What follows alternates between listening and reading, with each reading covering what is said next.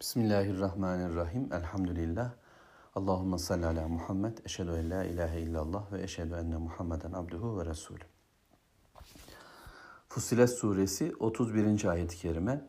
30. ayet-i kerimede meleklerin gelişi, arkadaşlığı, dostluğu ve onların sözlerini konuştuk. Korkmayacağız, hüzünlenmeyeceğiz ve cennetle sevineceğiz. Çünkü ayet 31. Nahnu evliyaukum fil hayati dunya ve fil ahire. وَلَكُمْ ف۪يهَا مَا تَشْتَهِي أَنْفُسُكُمْ وَلَكُمْ ف۪يهَا مَا تَدَّعُونَ 32 Nüzülen min gafurur rahim. Nüzülen min gafurir rahim. Diyor ki melekler, dünya hayatında da ahirette de sizin dostlarınız biziz.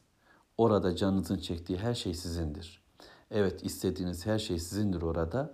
Bir bağışlayıcının ve merhametlinin, gafur ve rahim olan Allah'ın ikramı olarak.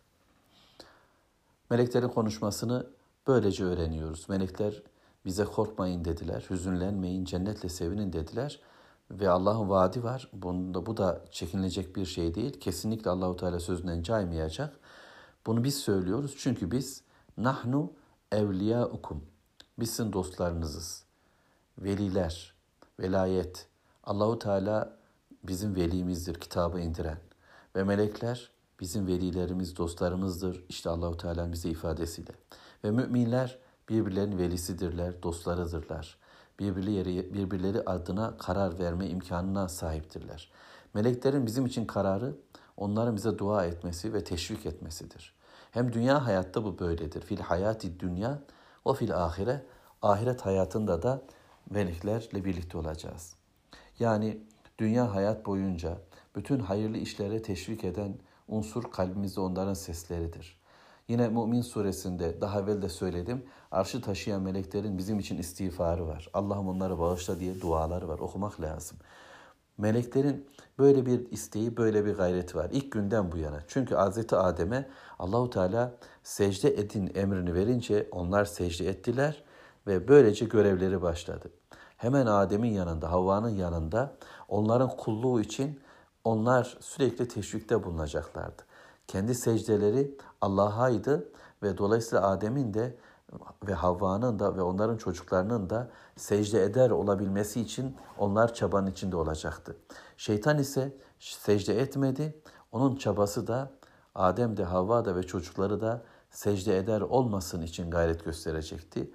İki taraf da çalışmaya devam edecek. Bizim görmediğimiz bir dünyanın unsurları bu şekilde şekilleniyor.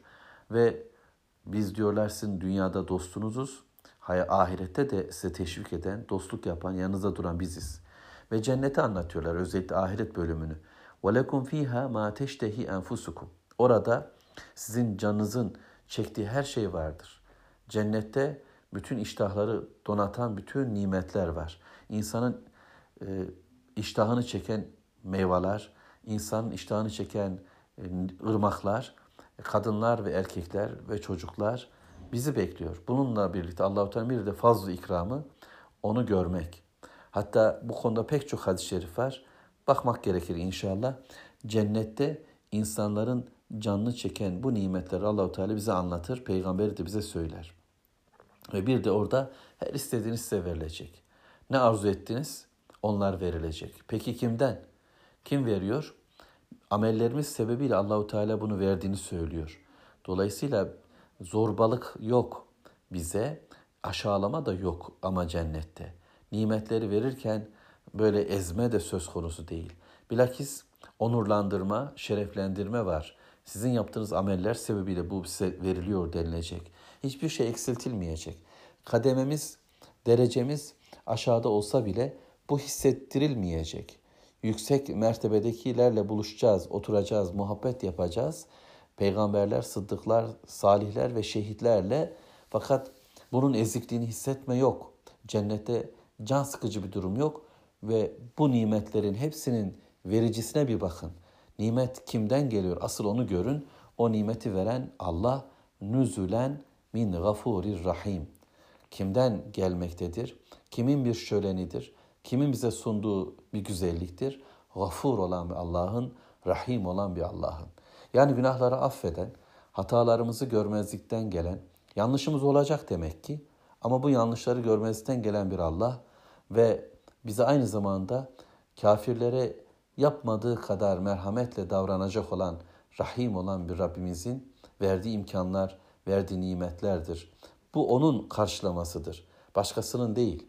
Dünyadakiler geçici, talip olunacak gibi değil. İnsanlar tercihini düzgün yapacaklar. Gafur ve Rahim olan Allahu Teala'nın karşılamasına koşacağız. Onun talebinde olacağız ki böylece hayatımız da güzel olsun, ahiretimiz de güzel olsun Allah'ın izniyle. Ve ayetler devam ediyor. 20 özür 33. ayet-i kerime şöyle. وَمَنْ أَحْسَنُ قَوْلًا مِمَّنْ دَعَا إِلَى اللّٰهِ وَعَمِلَ صَالِحًا ve kâle inneni minel muslimin. Şimdi 30. ayet-i kerimede bir Müslüman tipi söylendi bize. Ne dendi?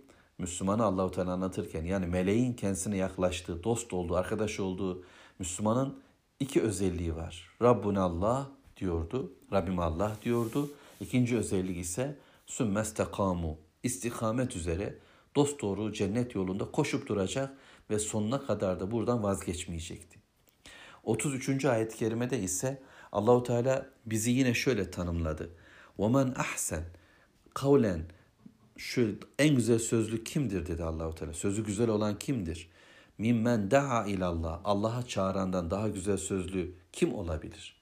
En güzel söz Allahu Teala'nın kelamıdır. Dolayısıyla dilinin üzerine bu kelimeyi tayyibeyi, bu güzel sözü bırakan ve Allah'a çağırandan, Allah'a dua edenden, Allah'a davet edenden daha güzel sözlü birisi olabilir mi? Olamaz. Devamı ve amile salihan. Bir de bu adam salih amel işliyor. Sözüyle özü yani yukarıdaki gibi istikamet üzere bir hayatı var. Sözleri de güzel, amelleri de güzel. Söylemi de eylemi de tatlı. Salih amel işliyor. Yani insanları doğruya çağıracağız ama çağırdığımız doğru hiçbir çözüm üretmeyecek kendi bireysel hayatımda bile.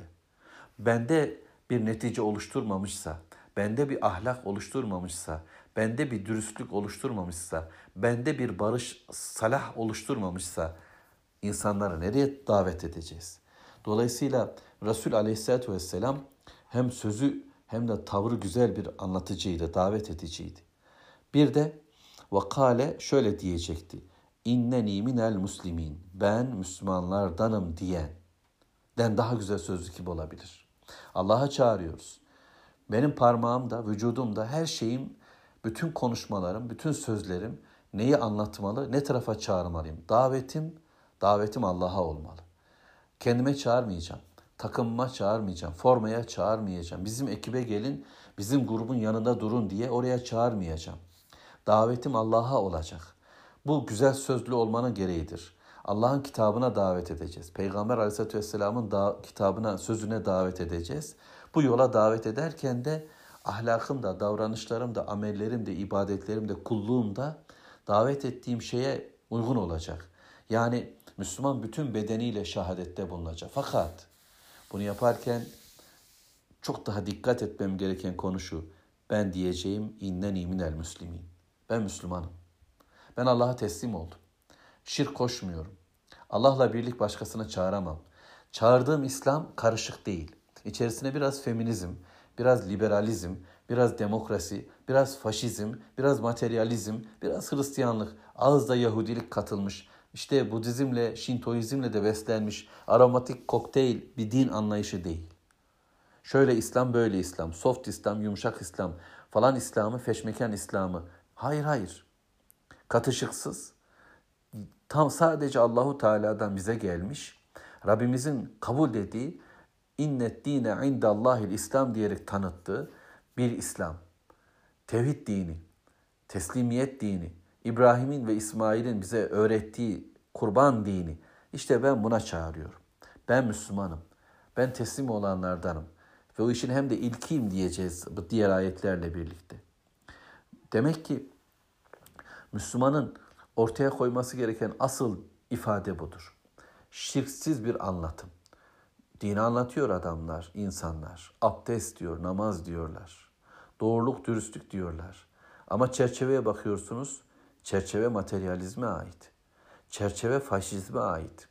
Sistemin öngördüğü bir hayatı insanlara söylerken ayet söylemenin çok da güzel bir yanı yok ki.